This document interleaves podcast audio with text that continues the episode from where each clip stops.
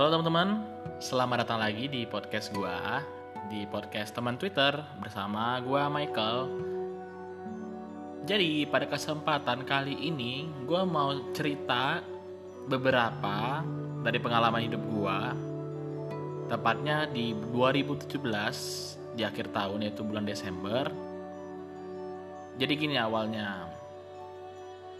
Gua blasteran, bokap gua Batak, nyokap gua Toraja, ya blasteran maksudnya blasteran suku ya, antar pulau gitu ya, bukan blasteran sama luar negeri. Jadi gua waktu itu pulang ke Toraja, ke kampungnya nyokap gua. Nah, jadi pada saat itu gua pulang dari Jambi. Waktu itu gue di Jambi ya masih SMA atau kelas berapa itu? Udah mau lulus kayaknya. Jadi waktu itu gue pulang ke Toraja naik pesawat tuh dari Jambi ke Jakarta Jakarta ke Makassar. Ya gue sampai Makassar dulu nih. Karena perjalanan ke Toraja itu sekitar 8 jam dari Makassar naik mobil ya. Jadi waktu itu gue sama keluarga sudah sampai di Makassar dan keesokan harinya langsung pergi ke Toraja naik mobil itu perjalanan 8 jam ya. Mungkin dari beberapa kalian tahu ya suku Toraja ya. Toraja itu ciri khasnya itu makamnya di batu. Jadi yang gue dengar cerita dari orang tua gue dari nyokap gue terkhususnya di Toraja itu ada ritual misalnya ada orang meninggal itu biasanya jalan sendiri. Ya mayatnya jalan sendiri biasanya itu pakai mantra tapi sih gue kurang spesifik ya. Karena gue belum banyak tahu nih tentang Toraja cuman gue mau sharing aja apa yang gue dengar dan apa yang gue lihat. Jadi waktu itu nyokap gue cerita kalau di Toraja ini ciri khasnya yang terkenal di dunia ya memang makamnya di batu sama rumah adatnya. Dan juga setiap berapa bulan sekali itu kalau nggak salah makamnya dibuka tuh nanti dia digantiin bajunya gitu digantiin dipakein lagi diarak-arak gitu nah jadi kita bahas yang pemakaman dulu nih. Ceritanya jadi kalau pemakaman di Toraja itu dia yang mungkin tradisional punya itu dia dimantrain katanya sih dimantrain. Nanti dia subuh subuh atau pagi-pagi itu jalan sendiri ke makamnya. Ini ceritanya sih karena udah banyak sih yang tahu gitu kan dia ada cerita jalan di jalan ke makamnya sendiri gitu. Aku nggak juga nggak tahu sih spesifiknya nggak pernah lihat kan ya jadi gue dengerin terus ceritanya itu kan panjang banget sih. Gue nggak bisa cerita semuanya juga juga bingung kan kadang eh, dengerinnya gitu. Jadi makamnya ada di atas gunung sana jauh. Jadi yang meninggal ini dimantrain nanti dia jalan sendiri. Jangan pernah dipanggil jangan pernah dideketin. Karena kalau dideketin atau dipanggil nanti dia mantranya hilang. Jadi dia nggak bisa ke sana lagi gitu. Saya ngulang lagi deh gitu. Itu sih katanya jadi tiba-tiba nanti udah ada di kuburan aja mayatnya gitu loh. Nah itu unik sih. Gue juga mungkin pengen sih lihat gimana sih dari jauh gitu kan. Ada orang jalan gitu yang meninggal terus uh, jalan ke makamnya sendiri gitu loh. Tapi ini ya ya namanya dalam zaman dulu kan ya percaya seperti itu ya wajar gitu kan ya. Nenek-nenek luhur kita kayak gitu semua rata-rata punya ilmu-ilmu yang kita tidak bisa membayangkan di masa kini gitu. Terus jadi gue nyambung lagi ke perjalanan gue di Toraja akhirnya gue sampai di kota namanya kota atau desa nggak tahu ya namanya itu Rantai Pao. Di Rantai Pao. Jadi waktu itu gue nginep di rumah tante gue di Rantai Pao. Nah schedule kita jalan ke desa namanya Tootin. Mungkin di map belum ada kayaknya tapi namanya Tootin setahu gue ya. Itu jaraknya itu sekitar 2 jam dari Rantai Pao naikin gunung. Jadi gunung bukit-bukit gitu. Jadi dia jalannya tuh kecil banget jalannya kecil banget. Kanan kiri jurang gitu. Nggak kanan kiri sih maksudnya kanannya ke jurang tuh. Kanannya jurang nanti kalau kita pulang kirinya jurang. Jadi itu jalannya cuma muat dua mobil pas banget dua mobil. Nah jadi waktu gua ikut perjalanan itu ke kampung nyokap gua Toraja itu nyamperin adiknya opa gua di sana ada nah itu tuh di mobil tuh tante gue cerita banyak banget. Dan dia cerita juga tentang katanya sih banyak banget di Toraja tuh hal mistis. Banyak banget. Salah satunya kuntilanak. Ini gue jadi takut anjir. Gue podcast sekarang sendirian nih. Gue ceritain horor lagi ya. Jadi waktu itu dia cerita kalau di Toraja itu memang banyak yang pelihara yang namanya kuntilanak. Dan gue nggak tahu persis ya tapi gue juga di jalan juga merasa kurang enak badan juga gue liatin kanan kiri. Gue entah apa yang gue lihat gue sekilas melihat sesosok bayangan putih gitu. Rambutnya hitam matanya merah. Bener ini nggak ada bohong ini. Soalnya gue perhatiin jelas itu benar-benar orang. Cuman gue tuh gimana ya kalau lu lihat sesuatu yang aneh pasti tiba-tiba tuh ngilangin perhatian terus nanti balik lagi lihat nggak ada gitu. Begitu tapi gue nggak berani ngomong karena gue udahlah gitu ya. Anggap aja mungkin halusinasi gue gitu kan. Sampailah kita di Totin udah mau turun tuh dari bukit udah muter-muter lama banget itu. Sampai jalannya itu waduh medannya tuh aduh hancur banget dah.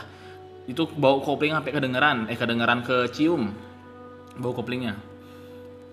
Jadi kan ngerem ngopling ngerem ngopling karena kan ada mobil juga di depan kadang kan. Nah terus sampailah kami di Tootin baru beberapa meter jalan sudah sampai ada rumah gede banget gede banget. Nah tante gue ngomong itu rumah yang pelihara kuntilanak entah berapa ekor. Gue nggak tahu juga ya kenapa disebut berapa ekor. Bingung gue disebut berapa ekor kenapa? Kan itu kan hantu atau apa ya jin atau apa nggak tahu ya. Maksudnya hantu tuh masa disebutnya berapa ekor cuma nggak tahu juga kenapa bilangnya berapa ekor gitu. Jadi dia ngomongnya di situ ada yang pelihara untuk ya hal-hal yang diinginkan dia lah gitu. Jadi dipeliharanya kuntilanak tersebut sekitar 8 sampai 9 ekor katanya gitu. Gue nggak berani nanya cuma gue tahunya aja gitu. Terus dia cerita juga di jalan dulu kan uh, tante gue juga ada yang baru melahirkan terus meninggal. Jadi waktu itu tante gua itu meninggal uh, anaknya juga meninggal. Terus nanti saat penguburan tuh di keteknya ya. Ya di keteknya tuh ditaruh telur katanya. Ditaruh telur untuk mencegah bahwa kalau dia jadi makhluk halus atau kuntilanak dia nggak gangguin orang. Atau saat pun dia muncul depan orang jadi dia lambat jalannya entahlah jalan atau terbangnya gitu. Karena dia menjaga telurnya tersebut katanya gitu kan. Karena di Toraja ini cukup agak ini kuntilanak katanya cukup menyeramkan. Jadi orang nggak berani keluar malam-malam karena biasanya dia nyerang. Ada yang jahat gitu yang roh-roh jahat. Di kita mah percaya nggak percaya ya tapi kan di setiap daerah tuh berbeda-beda ceritanya gitu kan. Dari makhluk halusnya berbeda dan segala macam berbeda gitu. Ya serem juga sih gue makanya kami waktu itu di sana udah nyampe sana segar banget sih udaranya segar banget. Gue bilang ini pak siang-siang bolanya segar banget apalagi pagi atau malam ini cuman masalahnya gue nggak lama di situ cuman sekitar dua jam nyampe sana kan dua jam langsung dua jam di situ stay makan segala macam sama keluarga. Terus cabur katanya nggak bisa malam-malam. Kalau malam-malam berbahaya katanya. Pulang malam-malam. Jadi kita memutuskan untuk pulang itu sekitar jam 3 sore. Nyampe itu sekitar jam uh, limaan tuh. Baru nyampe lagi turun dari gunung lagi uh, di rantai pau. Jadi selama perjalanan tuh gue memang udah lihat-lihat yang aneh-aneh gitu ya dengan cerita-cerita tante gue yang aneh-aneh juga gue ngeri juga. Cuman katanya fakta di sana memang ada yang pelihara gitu. Nggak tahu untuk apa mungkin teman-teman yang punya indigo atau yang punya kisah-kisah seperti itu mungkin tahu kali ya e, bentuknya seperti apa dan itu gunanya untuk apa sih kuntilanak itu. Ya bingung sih gue juga takut sih denger yang kayak gitu. Cuman gue bagi sharing aja bahwa di di Toraja itu ada yang melihara kayak gitu cuman gue nggak bisa ngejudge juga kalau di sana semuanya kayak gitu karena beberapa orang aja gitu loh.